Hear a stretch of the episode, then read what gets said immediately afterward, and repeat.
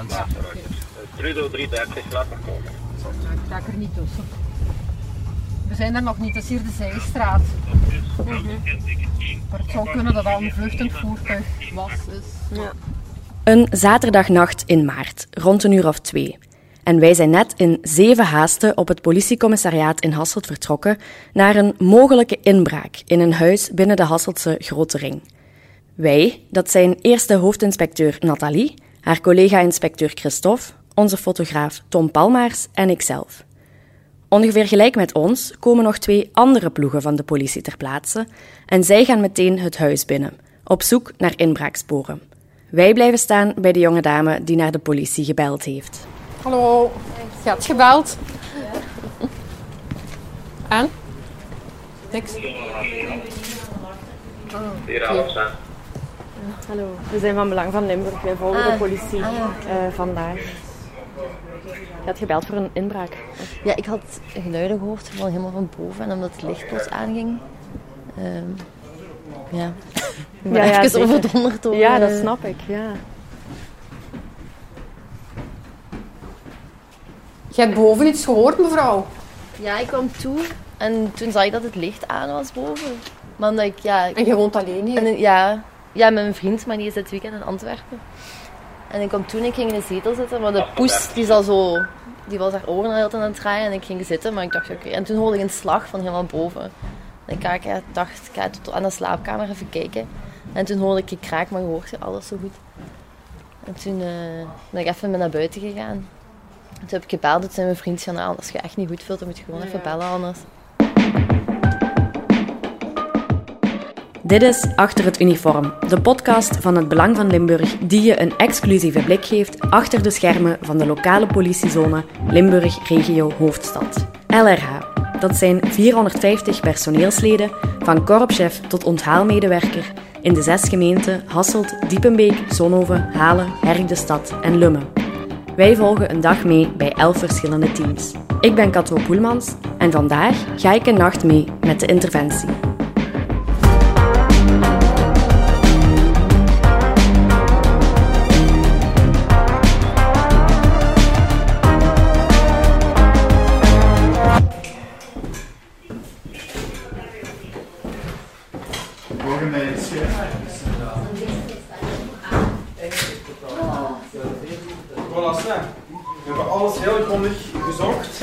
Geen braakschade. Niet vooraan, niet achteraan. Nu de deur achteraan zou altijd openstaan. Gelukkig niks.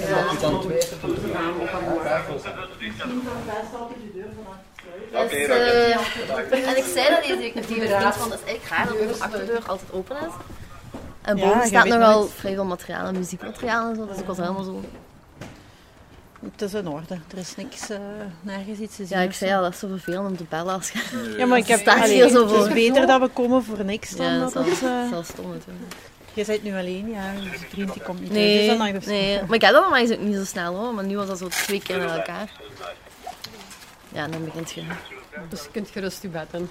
Sorry hè, voor de opkomst. Het is wel fijn om te weten dat... eh, Wij zijn ook blij dat het niks is. Dus, Ja. eh, Oké, heel veel bedankt. Je moest er iets zeggen. Sorry hè. Goed, geen probleem. Dat, hè. Zal ik eens... Silem LRA 31. Ja, alles in orde hier. We mogen ons terug beschikbaar zetten. Hier was het gelukkig vals alarm, maar toch. Beter een keer te veel gebeld dan te weinig. En ook fijn, de politie werd bedankt voor haar snelle optreden. Iets dat niet al te vaak gebeurt, zo vertelt hoofdinspecteur Nathalie mij later in een interview op onze redactie. Nee, nee, dat klopt. Of het zou bij een inbraak moeten zijn of zo, of dergelijke, dat mensen ons bedanken. Maar vaak worden we niet bedankt voor ons werk, eh, maar krijgen we meer eh, dingen naar ons hoofd geslingerd. En dat vind ik soms een beetje jammer, ook als je naar familiefeesten gaat of, of feestjes met vrienden. Het eerste wat de mensen zeggen van, ja maar, ik ben opgeschreven, of ja maar, ik ben geflitst, of ja maar. Terwijl ik denk, maar ik doe het zoveel meer dan alleen maar ja, u misschien een boete geven, wat misschien eigenlijk heel flagrant was, die boete.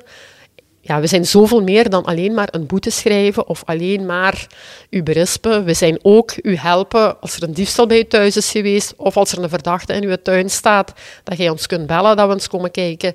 Ehm, we doen ook de slecht nieuwsmeldingen. Uh, we helpen u bij het invullen van uw aanrijdingsformulier. Ja, het is eigenlijk zo breed en dat is jammer dat mensen soms alleen maar ja, het slechte zien in de politie. En dat frustreert mij soms wel. Het is ook net daarom dat Nathalie 27 jaar geleden bij de politie, of ja, toen nog bij de Rijkswacht, begonnen is. Om mensen te kunnen helpen. Ja, ik had een groot uh, rechtvaardigheidsgevoel. Ook dat, mensen helpen zat er wel een beetje in. Um, ik denk dat dat eigenlijk altijd uh, de insteek is geweest, het onrecht bestrijden of uh, de wereld uithelpen, mensen helpen. Ik denk dat je dat bij heel veel politieagenten gaat horen. Uh, ik denk dat de meeste mensen dat misschien zo helemaal niet zien in een politieagent, maar ik denk dat de insteek wel altijd hetzelfde blijft. We zijn er niet voor te vechten met de mensen of de mensen te beboeten. Nee, dat is een functie waarvoor je kiest. Als interventie ben ik eigenlijk om de interventies te handhaven voor alles van noodoproepen wat er binnenkomt, om die zo goed mogelijk af te handelen. Hoewel ze dus vertrekken vanuit de gedachte om mensen te helpen, merken Nathalie en haar collega's dat er steeds minder respect is voor hun. Dat mensen nog respect hebben voor de politie, ik zie dat nog bitter weinig eigenlijk. Misschien uh, de juiste plaatsen, de juiste mensen, misschien wel. Maar dat respect is ook heel ver weg soms. Wij zijn ook maar mensen, we proberen ons werk zo goed mogelijk te doen. En dan zie je vaak dat mensen toch heel anders kunnen reageren als je uniform aan hebt, zeker. Het respect binnen de politie of respect in het algemeen, denk ik. Want als ik dan denk in, in functie van schooljuffrouwen of uh, verplegers, ambulanciers, horen wij hetzelfde eigenlijk terug. mensen komen op spoed binnen, ze worden niet onmiddellijk geholpen en worden dan verbaal agressief. Bij ons eigenlijk is dat net hetzelfde bij de politie. Ah, ik krijg niet het gepaste antwoord wat ik verwacht. Ah, ik stel me in plaats van de burger en ik krijg niet het gewenste antwoord van de politie. Dan word ik verbaal agressief. Ja, eigenlijk is dat inderdaad de tijdsgeest misschien uh, die dat zich met zich meebrengt. Ook de jeugd die veel uh, verbaler wordt. We merken dat wel. Dus dat iedereen veel verbaal of assertiever wordt, um, dat is inderdaad in de loop der jaren wel veranderd vaak hangt dat ook wel een beetje samen, denk ik, maar dat is een persoonlijke mening, met de opvoeding uh, die je je kinderen meegeeft. Dus we zien wel dat het soms van generaties overgaat. Stel dat ik als ouder, als 60-jarige ouder, ook al in aanraking ben gekomen met de politie, al een strafblad heb, dan gaat mijn kind misschien anders reageren ten, ten overstaan van politie dan iemand met een blanco strafblad die braaf altijd binnen de lijntjes heeft gelopen. Daar kader ik misschien ook wel een beetje dat respect uh, dat respect in. Niet alleen respect ten opzichte van het uniform, want dat zie ik eigenlijk helemaal niet meer. Nochtans moet ik zeggen, als ik op een school kom in mijn uniform, dat de kindjes dan wel zeggen van, ah, politie. Uh, maar je ziet wel dat groeien. Als ze dan 15, 16 worden, dan reageren ze al zo niet meer. Dan uh, zouden ze al eerder een bal naar je kop shotten, denk ik. Maar goed, dat is, dat is inderdaad de tijdsgeest die dat met zich meebrengt. En ik, ja, ik hou mijn hart vast voor wat de toekomst gaat brengen. Helaas leidt dat gebrek aan respect ook steeds vaker tot agressie of weerspannigheid tegenover de politiemensen. We komen inderdaad veel te maken met agressie. Mensen die weerspannig zijn naar ons, mensen die absoluut geen oor hebben naar wat wij zeggen. En dat is soms heel erg jammer. Uh, dat je dan eigenlijk geweld gaat moeten gebruiken, omdat de mensen gewoon geen oor hebben naar wat je zegt. Je hebt de opties al gegeven. Maar ook daarbij komt het heel vaak terug op uh, drank, drugs. Mensen die onder invloed zijn, stellen zich heel vaak weerspannig op. En dan heeft dat vaak agressie tot gevolg. Of mensen die al betrokken zijn in een vechtpartij waar je moet tussenkomen, um, die zijn al aan zich uh, geagiteerd, die zijn al uh, agressief, die zijn al verbaal agressief. Um, en dan is het eigenlijk onze taak om die, eigenlijk, om die agressie weg te nemen. Maar dat lukt natuurlijk niet altijd. Soms uh, werkt dat op een rode lap op een stier als we daar met vijf ploegen aankomen en dat die persoon uh, nog erger gaat reageren. En soms is het ook omgekeerd dat die denkt van oei, vijf ploegen, ik ga hier moeten temperen.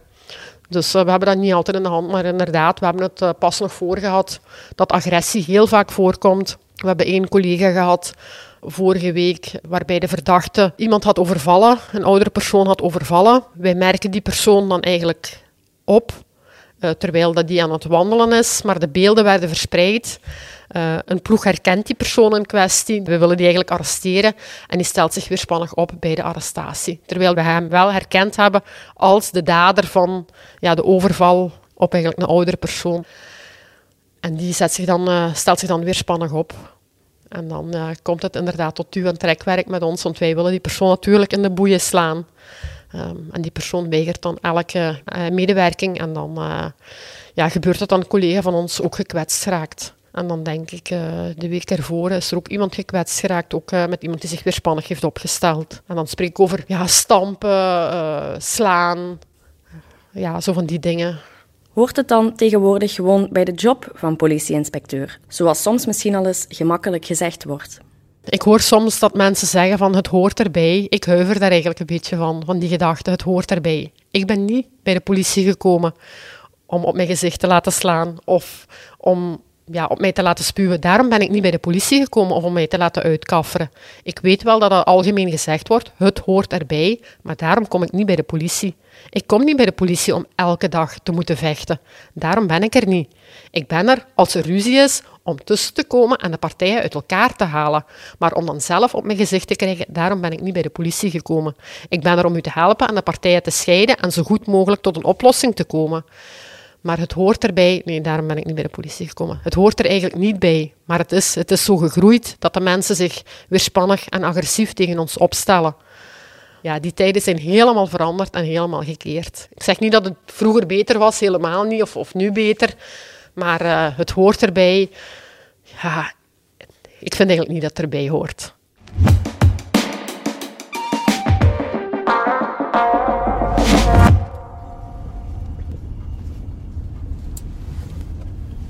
Ja, op de achtergrond uh, is hoorbaar dat een vrouw daar uh, ja, zeer luid aan het roepen is.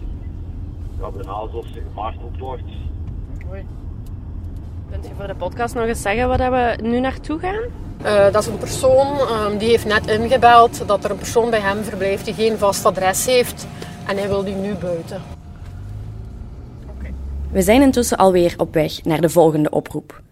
Er is al een ploeg ter plaatse, maar omdat er volgens de calltaker van de noodcentrale nogal veel tumult hoorbaar zou zijn op de achtergrond, gaan wij als versterking ook naar daar. Wanneer we bij het appartement aankomen en naar binnen gaan, lijkt de rust gelukkig weergekeerd. Twee politieinspecteurs gaan in gesprek met de man, die de eigenaar is van het appartement en de politie belde. Nathalie en Christophe gaan praten met de vrouw, die door de man uitgenodigd was, maar die nu toch weer zou moeten vertrekken. Dat gesprek verloopt eerst ook gemoedelijk. Maar dan slaat de toon ineens toch om. Ja, maar kijk, het staat hier niet ingeschreven, mevrouw. Dus als hij zegt dat je hier moet vertrekken, hey, dan kun je hier niet blijven. Mevrouw, mag ik alsjeblieft ja, iets ja, zeggen? Ja. ja, ik bel. Ik zeg, kijk, ik heb mijn laatste bus. Ja, ja, dat weet ik. Dat heb je net verteld. Mag ik blijven slapen? Ja. Ik kom hier aan Opeens verandert hij zijn mening. Wat moet ik doen? Ik heb geen geld voor een taxi. Anders had ik die nooit gebeld. Mm Begrijp je? Hij zegt tegen mij, kom.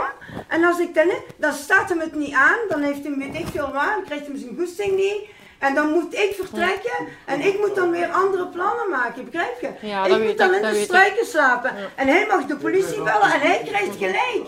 Wie is ik, geef, ik geef niemand gelijk, ah, mevrouw. Ik geef niemand gelijk. Ik sta hier niet ingeschreven, dat zeg jij. Dat zeg ik. Ah ja. Dat zeg Kijk, ik. weet je wat ik heb? Ik heb alleen plichten, ik heb geen rechten. Blijf rustig. Oh, excuseer, ja. Ik wil alleen maar zeggen, ja, je bent hier niet ingeschreven. Dus als meneer vindt dat je hier moet vertrekken, moet jij vertrekken. Ja, zeker. Nee, dus, dus, als ik u uitnodig en ik zeg... Hè, en, en als ik dan zeg, aan, ja, jij moet vertrekken, dan moet ik vertrekken. Krijg je conclusies eruit voor de volgende keer, hè? Je weet hoe het... Het is jammer, maar ik weet niet waar je misschien ergens anders terecht kunt. Ziet dat je straks niet bij ons belandt, hè? Zeg. Is dat van u? Luister eens. Ziet dat je zelfs niet bij ons belandt, hè? Waarom? Laat dat hier maar staan. Allee. Voilà. Kom. Allee, we gaan vertrekken. Ik vind dat wel dat je goed werkt. Allee, dank u wel.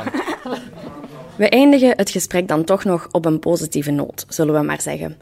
En de vrouw vertrekt relatief gemakkelijk uit het appartement. Weliswaar wel met een grillpan met daarin gebakken kip, want dat had ze naar eigen zeggen zelf meegebracht. Zo is deze ruzie toch nog behoorlijk vlot opgelost geraakt. En dat we net in die nacht dat we de mensen van interventie volgen, opgeroepen worden voor een ruzie, dat is niet verwonderlijk. Voor de interventies waar we het meeste voor worden opgeroepen, eh, ik denk dat dat heel veel eh, geschillen zijn met personen. Dat gaat van een familiale twist tot een burentwist. Uh, dat is eigenlijk vrij ruim. Maar ik denk de familiale geschillen vormen toch wel de hoofdmoot. Zowel man, vrouw, vriend, vriendin of met de kinderen uh, wat niet goed loopt. De kinderen die niet luisteren, um, kinderen die niet thuiskomen na school. Moeilijkheden met de buren. Um, ik denk dat dat de hoofdmoot is van de tussenkomsten. En verder ja, de ongevallen natuurlijk heel veel ongevallen, winkeldiefstallen. Het is eigenlijk heel ruim waarvoor we worden opgeroepen. Verdachte overlijdens die zitten daar ook tussen, of overlijdens in het algemeen, daar worden we uiteraard ook voor opgeroepen. Dat hangt een beetje van de omstandigheden af en de vaststellingen van de arts en onze vaststelling of het een verdacht overlijden is, uh, al dan niet. Maar als hoofdinspecteur interventie stappen wij bij ieder overlijden of elk verdacht overlijden stappen wij sowieso af ter plaatse. Om al die oproepen te behandelen, zijn ze bij LRA met iets meer dan 100 interventieinspecteurs en 16 hoofdinspecteurs. Zij werken in een dienstregeling waarbij er 24 op 7 ploegen op het terrein zijn, en toch lukt het niet altijd om overal meteen naartoe te gaan. Wij werken ook met prioriteiten. Als jij naar een ziekenhuis gaat of naar een dokter gaat, daar werken ze ook met prioriteiten zeg maar iets, iemand die binnengebracht wordt in een ziekenhuis met een hartstilstand, heeft prioriteit bijvoorbeeld op iemand die zich gesneden heeft in zijn vinger. Werkt bij ons net hetzelfde eigenlijk, als ik de vergelijking mag maken. Een overval, de daders nog ter plaatse, is prioriteit op bijvoorbeeld uh, iemand die met zijn wagen tegen een paaltje is gereden. Ook daar weer gaat de interventie in eerste lijn naar de overval gaan. Dat is dringender voor ons dan iemand die tegen een paaltje is gereden. Dus die persoon die dan op dat ogenblik tegen het paaltje is gereden, gaat langer moeten wachten misschien. Hangt ervan af hoeveel ploegen dat er beschikbaar zijn. Die gaat misschien langer moeten wachten uh, totdat zij een patrouille ter plaatse ziet. Maar die persoon die dan inbelt voor het verkeersongeval of daar onze bijstand vraagt, die weet natuurlijk niet ja, welke dingen dat er nog lopende zijn. Dus die vindt eigenlijk zijn zaak inderdaad het belangrijkste. Maar als je dan feedback geeft aan die persoon van kijk, het heeft langer geduurd omdat, zeg maar iets, we moeten bijvoorbeeld van een andere gemeente komen of we waren bezig met een dringendere oproep. Ja, ik vind wel dat je de mensen mag meegeven waarom ze misschien zo lang hebben moeten wachten op ons. Mensen hebben daar niet altijd boodschap of geen oren naar, zal ik het zo zeggen. Die gaan zeggen, ja, ik betaal voor de politie, ik wil hier onmiddellijk politie. Ja, dat is nu eenmaal zo niet. Wij stellen ook prioriteiten, net gelijk alle andere ja, openbare diensten prioriteiten stellen.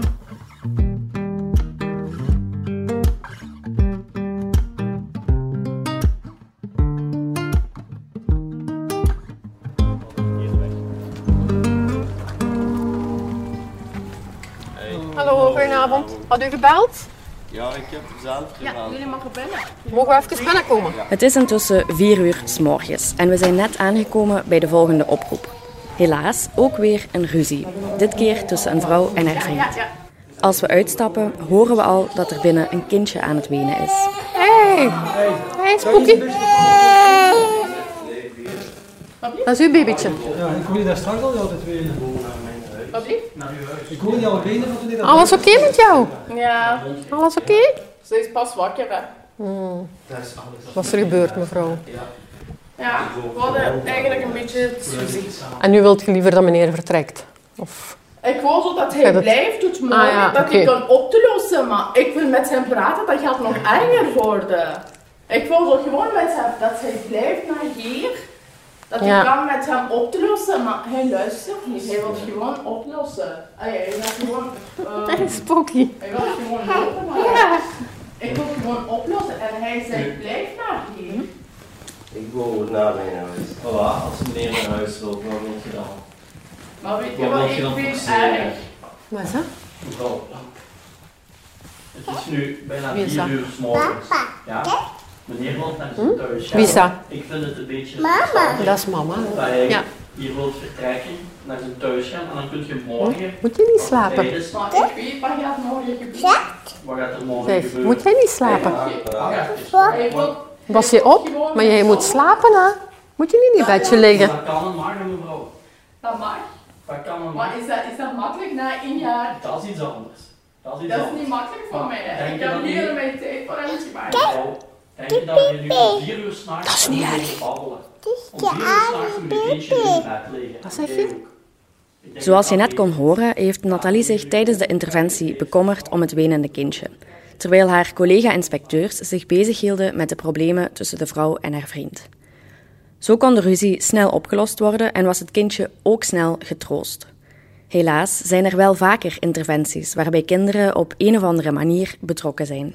Ja, dat klopt. De interventies met kinderen zijn misschien het meest aangrijpend. Ik heb nog niet zo heel lang geleden bijvoorbeeld een interventie gehad dat de ploeg mij ter plaatse vraagt van kan je eens komen kijken, want de omstandigheden zijn hier niet normaal. Dat ik daar ter plaatse ben gegaan, eh, dat het een woning was ehm, waar de vrouw in kwestie alleen uh, thuis was op dat moment. Daar waren ontzettend veel kinderen en dan ben ik eigenlijk de woning binnengegaan om te kijken wat dat daar was. En er was eigenlijk helemaal niets. Daar waren geen bedden, geen zetels, geen speelgoed. En ik spreek over kinderen van 0 tot 18 jaar die daar woonden. Daar was gewoon niets. De kasten of de frigo die ik daar opendeed, ja, in de kast lag één pak macaroni, zal ik het zeggen, gedroogde macaroni voor heel dat gezin. In de frigo alleen maar bedorven zaken en, en heel karig. Ja, dan breekt je hart natuurlijk. Hè. Dan zou je direct willen zeggen van ik neem al die kinderen mee naar huis. Maar ja, je weet ook, dat gaat niet. Je moet een oplossing zoeken voor die kinderen. Je kunt die oplossing ook niet bieden. Want je kunt geen opvang vinden voor zoveel kinderen onmiddellijk. Ja, dat zijn dingen die u wel bijblijven. Je wilt die mensen helpen. Je doet daar het nodige voor. Die mensen willen niet geholpen worden. Maar je weet ook, ja, die kinderen, ja, wat gaat daar ooit van komen? En als je dan thuis komt, dan denk ik van ja... Wij klagen soms van uh, ons huis is niet gestofzuigd, of ik moet dit of dat nog doen. Uh, of ik zeg maar iets, de chocopasta is op. Ja, dan relativeert je dat van ja, er zijn nog andere dingen die we hier in huis kunnen eten. Of ja, er zijn plaatsen waar het veel erger is waar we komen. En het is toch niet altijd gemakkelijk om zo'n interventies van je af te zetten? Ja, soms zeg ik dat. Soms je neemt uiteraard wel dingen mee naar huis. Je lacht ook heel veel weg van interventies, maar je neemt wel dingen mee naar huis. Uh, zoals ik zeg, als mijn, mijn, mijn, dochter misschien zegt van ja, er ligt geen kindersurprise meer in de kast, dan durf ik wel eens zeggen van weet meisje dat er kinderen zijn die helemaal niks hebben. En dan hou ik dat wel, die vorige interventie, in het achterhoofd. Ik ga niet tegen haar zeggen welke interventie dat ik heb gehad, want uiteraard, een kind van zeven hoeft dat niet te weten. Maar dan ga ik wel tegen haar zeggen, weet dat er kindjes zijn die helemaal niks hebben. Maar zoals Nathalie ook zegt, soms moet je de dingen die je tijdens je werk meemaakt ook gewoon van je proberen afzetten of weglachen. Zwarte humor is dan ook iets wat ik wel vaker heb horen terugkeren bij de politiemensen die ik voor deze reeks gevolgd heb. Want als ze over alles moeten blijven malen wat ze gezien en meegemaakt hebben, dan wordt het moeilijk om het werk nog te blijven doen. Klopt, want ik, zelf heb ik mezelf ooit ook verloren in een interventie. Ik moest ooit een slecht nieuwsmelding gaan doen. Ik ben uitgekomen eigenlijk bij een verdacht overlijden van een moeder die eigenlijk gestorven was. Er was zo een, een de achtergebleven vader of de papa of de ex-man uh, moest ik gaan verwittigen. En er was ook nog een kind van toen, denk ik, tussen de zeven en de tien jaar. Ik was toen net mama geworden. Ik ben toen eigenlijk bij de papa en bij de grootouders en uh, het zoontje in kwestie de slecht nieuwsmelding gaan doen. En daar ben ik eigenlijk zelf beginnen te wenen. Wat ik zelf niet had verwacht, wat me eigenlijk bijna nooit overkomt. Maar het overkwam mij toen, omdat ik eigenlijk toen, ik het ging vertellen, in mijn achterhoofd zat van stel dat ze dat ooit moeten gaan vertellen aan mijn dochter, hoe zou ik dan reageren? En dan ben ik eigenlijk beginnen te wenen. En dan heb ik ook eerlijk tegen die mensen gezegd van kijk, ik ben zelf mama geworden en ik kan me eigenlijk perfect inbeelden hoe je je nu voelt. Maar dat zijn situaties die je overkomen, wat je soms zelf niet in de hand hebt. Dus dat empathisch vermogen, kunt dat uitschakelen. Maar als het ene keer in je hoofd zit, of je begint erop thuis te reflecteren, ja, dan kan het soms toch nog eens heel anders lopen. Uh, en dan zien de mensen eigenlijk ook dat wij ook maar gewone mensen zijn.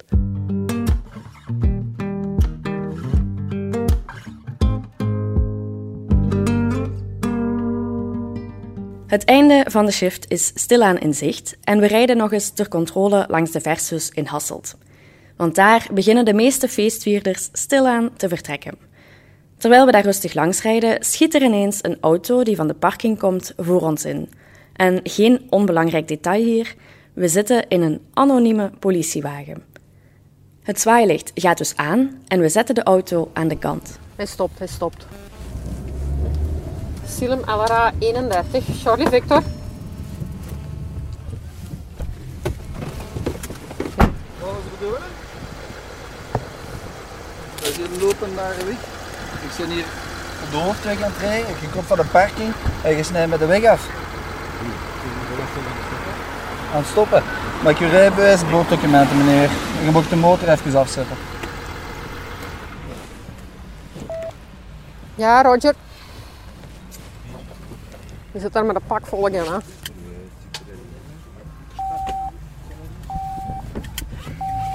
Ik heb geen rijbewijs. Ah, je hebt geen rijbewijs. Heeft iemand in de auto wel een rijbewijs? Wie heeft de rijbewijs van jullie? Jij hebt de rijbewijs? Ja, voor eh, de ploegen LRA, hier de 31, is daar een ploeg in de buurt van de ingang van de Versus. Voor even een bijstand te komen, vijf inzittenden. Dus als we die zelfs eruit halen, die beginnen te prullen, die zijn met vijf. Ja, dan wil je 330 zal vertrekken op de En de verzekering en de keuring alsjeblieft. Ja, Roger, voorlopig Is alles auto rustig. uw eigendom, meneer? Van uw vader. Even blijven zitten. Hier hebben we eens bij. M36. Tja, pechzeker voor deze jongeren dat wij net langskomen. Want de bestuurder heeft een M36-rijbewijs, een voorlopig rijbewijs dus, waarmee hij niet in het weekend en na tien uur 's avonds mag rijden. En waarbij hij altijd een begeleider zou moeten hebben als hij rijdt. Vier zatte passagiers in de auto tellen voor alle duidelijkheid niet als een geldige begeleider. Intussen is er ook een tweede ploeg voor bijstand ter plaatse gekomen en is er een ademtest afgenomen bij de bestuurder. Die is positief en dus zou er een tweede test moeten volgen. Een ademanalyse om te bepalen hoe groot de alcoholconcentratie precies is. Maar wanneer de politie de jonge man daarvoor wil gaan halen, slaat de sfeer om. De man wordt kwaad en weigert de test te doen. Daarop reageert de politie dus natuurlijk ook feller. Nathalie vertelt me later in het interview hoe belangrijk het is dat zij en haar collega's van elkaar kunnen inschatten hoe ze reageren en dat ze op elkaar kunnen vertrouwen. Zeker in zo'n situatie als deze, waarin de sfeer plots helemaal verandert. Vertrouwen is eh, heel belangrijk bij ons. Ehm, zeker op interventie, ook goede afspraken maken. Want je moet op je collega kunnen vertrouwen. Zeker in, eh, spannende omstandigheden of moeilijke omstandigheden. Dat je weet hoe gaat die persoon reageren. Gaat die misschien in paniek slaan? Soms gaat je moeten afspreken op voorhand al van welk wapen gaan we ter hand nemen. Of hoe gaan we de interventie aanpakken. Vaak kennen we elkaar ook wel en weten we van we geven altijd een waarschuwing. Als ik voor mezelf spreek, ik zal de verdachte altijd een waarschuwing geven. Dan weet mijn collega ook van, oké, als het nu niet wordt uitgevoerd, dan gaan we over tot. Als de verdachte zich zet of eh, zich weerspannig opstelt, ja, dan kan het soms helemaal anders eh, uitdraaien dan dat je eigenlijk zelf voor ogen had. Een interventie kan heel simpel starten, kan heel vriendelijk starten, heel gemoedelijk, waarvan je denkt van, ja, dit gaat eh, makkelijk opgelost geraken dat die verdachte zich plots helemaal anders gaat keren door bijvoorbeeld een tweede persoon die bijkomt. Of, ja, dan kan het helemaal anders draaien soms. Terug naar de versus, waar de kameraden in de auto de bestuurder gelukkig konden kalmeren en overtuigen om de tweede test toch te doen. Goed. En het resultaat van die test is allesbehalve goed. 69 en op licht. Oké. ja. Ja, zeg het maar. Hè. Jij zit de baas, hè. Jij zit de baas. Daar heb ik niet veel aan te koeken in 0,69. de cijfers liegen daar niet om. Heeft 0,69 geblazen. dus Dat is sowieso een onmogelijke intrekking van het rijbewijs voor 15 dagen. Terecht. Hij had sowieso niet mogen verder rijden. hè, dus dan hebben we nog geen speekseltest gedaan. Allemaal... eh, Eh, er is iemand onderweg, Ja, blijkbaar. maar- Ja, maar ja, die zit... Ja, ze zijn met twee onderweg, eh, zegt die een andere jongen. Ja, dan moet het... Ja, oké. maar- Ja, en die zouden nuchter zijn, eh, zegt, u, eh, zegt u bij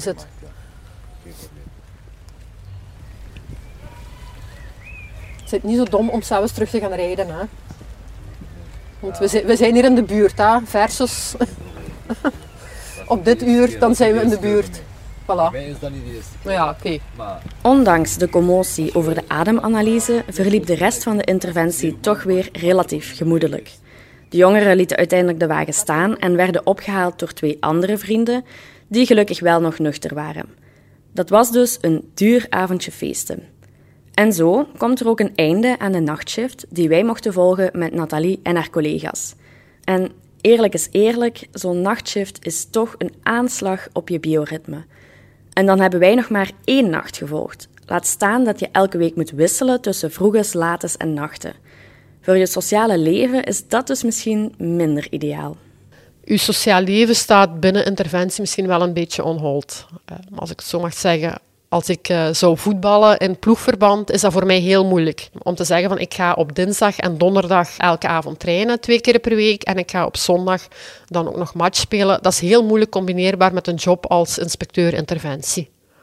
Dan zou je al alles moeten wisselen of verlof nemen. Of, ja, dat is niet altijd mogelijk voor mezelf. Ik heb ook uh, pas laat mama geworden. Dus ik heb dat ook even on hold gezet, omdat ik praktisch niet zag zitten. Hoe ga ik interventie doen? En terwijl kinderen grootbrengen, dat zag ik ook niet gebeuren. Ondertussen is dat toch gelukt. Um, maar goed, ik kan me wel voorstellen dat dat een van de mindere punten is, het sociale leven, voor sommige mensen.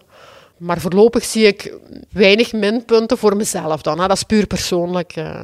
Integendeel zelfs, want Nathalie ziet die afwisseling in werkuren net als iets positiefs.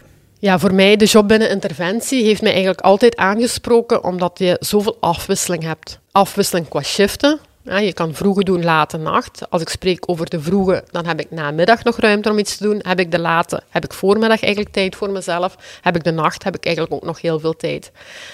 En je werkt niet in een vast termijn van 8 tot 5. Um, waarbij ik naar mijn gevoel, maar dat is puur persoonlijk, in een keurslijf zit van ik moet om acht uur op mijn werk zijn en ik moet tot vijf uur werken. Um, waarbij ik dan thuis kom van werken, dan nog aan mijn avondshift zogezegd moet beginnen met eten maken, sporten of weet ik veel wat je s'avonds wilt doen of tv kijken. Elke dag hetzelfde. Ja, dat zegt mij eigenlijk weinig. Dus daarom heb ik eigenlijk gekozen voor de Rijkswacht of de politie destijds, wat mij heel veel afwisseling geeft, zowel qua uren als qua inhoud. Als ik uh, naar een interventie moet, of voor de vroege opstel, voor de late of voor de nacht, ik weet nooit wat mijn dag gaat brengen. Het kan zijn dat ik naar een verdacht overlijden moet, dat kan zijn dat ik naar een vechtpartij moet. Ik ben klaar om op dienst te vertrekken en ik zie wel wat mijn dag brengt. En dat maakt het nu net zo boeiend dat ik eigenlijk die grote verscheidenheid heb naar jobinhoud en jobinvulling. En daarbij probeert Nathalie elke dag het verschil te maken. Voor de mensen die de politie oproepen, maar ook voor haar collega's. Ik denk, als je dat gevoel niet hebt, of je hebt niet de intentie om het verschil te maken, dan denk ik dat je misschien, uh, ja, om het zo onerbiedig te noemen, de grijze muis bent. Je probeert altijd een meerwaarde te zijn um, op je interventie of op je job. En je probeert alles zo goed mogelijk te doen, misschien zelfs een beetje meer te doen dan nodig is. Of dan, dan wat er van u verwacht wordt. En dan denk ik ook wel dat je de nodige appreciatie krijgt uh, op uw werkvloer of uh, bij de inspecteurs of bij uw uh, collega hoofdinspecteurs. Dat je toch net dat tandje meer tandje extra wilt bijsteken of iets extra wilt doen dan dat eigenlijk van u verwacht werd. En ik denk dat dat een goede mindset is, ook voor de beginnende inspecteurs, om het zo goed mogelijk te doen. Ook om die meerwaarde te willen leveren. Ik denk dat dat nog altijd de insteek is geweest om bij de, bij de politie te beginnen en zeker bij de interventiedienst.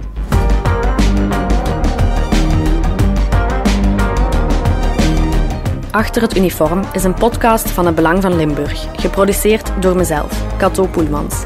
Montage en afwerking door de buren. De muziek is het werk van Stef Leenaerts van House of Media. Chef podcast is Geert Nies. Reageren op deze aflevering kan via podcast.hbvl.be. En wil je onze journalistiek ondersteunen? Bekijk dan onze voordelige abonnementen op hbvl.be/voordelig.